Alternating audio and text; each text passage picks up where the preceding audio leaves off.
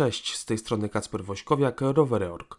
Witam wszystkich bardzo serdecznie i zapraszam na czwarty odcinek naszej rowerowej serii, w której codziennie omawiamy wydarzenia wokół 79. edycji Tour de Pologne. Tyle wiemy, że nic nie wiemy. I to nie jest żart. Poniedziałkowy finisz na przemyskim zniesieniu, polskim Murdei, nie przyniósł dużych różnic między faworytami. 12 kolarzy nie straciło do zwycięzcy ani jednej sekundy, w minucie zmieściło się aż 45 hartów. Jak przebiegał etap?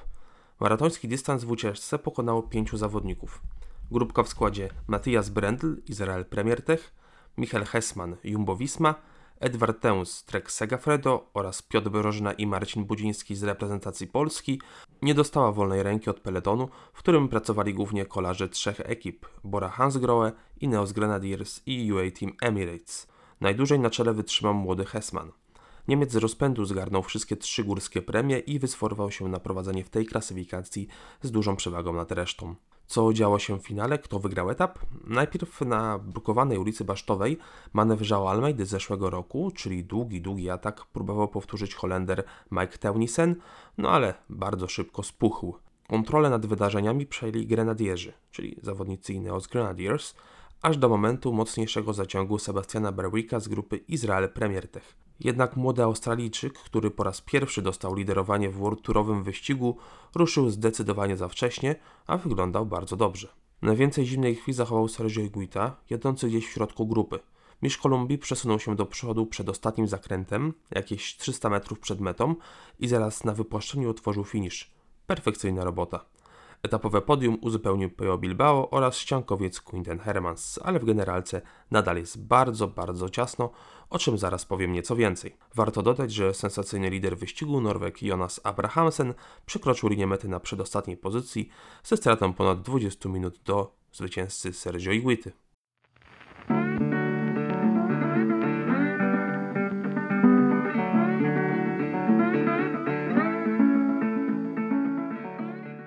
Tak typowaliśmy faworytów przed wyścigiem. Dam wam chwilę na zapoznanie się z listą z pierwszego odcinka. A tak wygląda generalka po trzecim etapie. Jeśli kolejne dwa pogórkowate etapy, czwarty i piąty, nie przyniosą większych zmian w generalce, to na czasówce mogą nastąpić spore roszady w czołowej dziesiątce. Z tej grupy dobrze na czas jeżdżą Pejo Bilbao, Diego Ulissi, Ethan Hayter, Mateo Sobrero czy Mauro Schmidt. Wybrałem także kilku mocnych czasowców niewielkimi stratami do lidera, którzy nie zmieścili się w pierwszej grupie. To Bentulet, Samuele Battistella, Tymen Arensman, Remy Cavagna, Bruno Armirail, mistrz Francji, Antonio Tiberi czy Mark Padun. Warto obserwować także ich poczynania, no bo tak naprawdę nawet taki Mark Padun, czy Remi Cavagna, czy Bruno Armiral mogą z tej jakiejś tam około 30 pozycji awansować do czołowej dziesiątki. Tak podobnie też było w zeszłym roku. Szkoda, że nie ma takiego królewskiego etapu, na przykład na rundach Pukowinie, czy gdzieś wokół Zakopanego, no bo wtedy sytuacja byłaby zdecydowanie bardziej klarowna przed tą, no można powiedzieć, górską czasówką, ale ona nie jest aż tak górska, że czasowcy jak Kawania, e, no sobie z nią nie poradzą. To jest maksymalnie tam 3% nachylenia, tam przez kawałek 2 km bodajże jest 6%, ale no, takie kawania myślę, że może nawet to na spokojnie ogarnąć.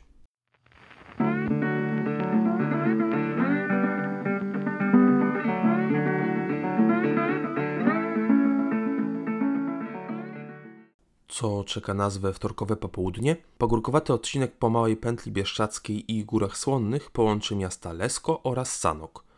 Organizatorzy z Lang Team tradycyjnie wyznaczyli tylko trzy premie górskie, ale podjazdów będzie znacznie, znacznie więcej.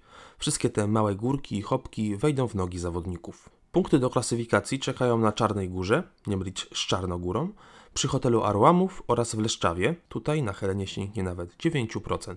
Ostatni podjazd dnia nie jest liczony do klasyfikacji górskiej, ale to nie znaczy, że będzie łatwo. Przełęcz Słonne liczy sobie 4,7 km o średnim nachyleniu 6%. Stąd do mety pozostanie już tylko 18 km. Końcówka na sanockim rynku jest wymagająca technicznie. 5 zakrętów na ostatnim kilometrze i teren wznoszący się pod górę. To finisz dla wytrzymałych.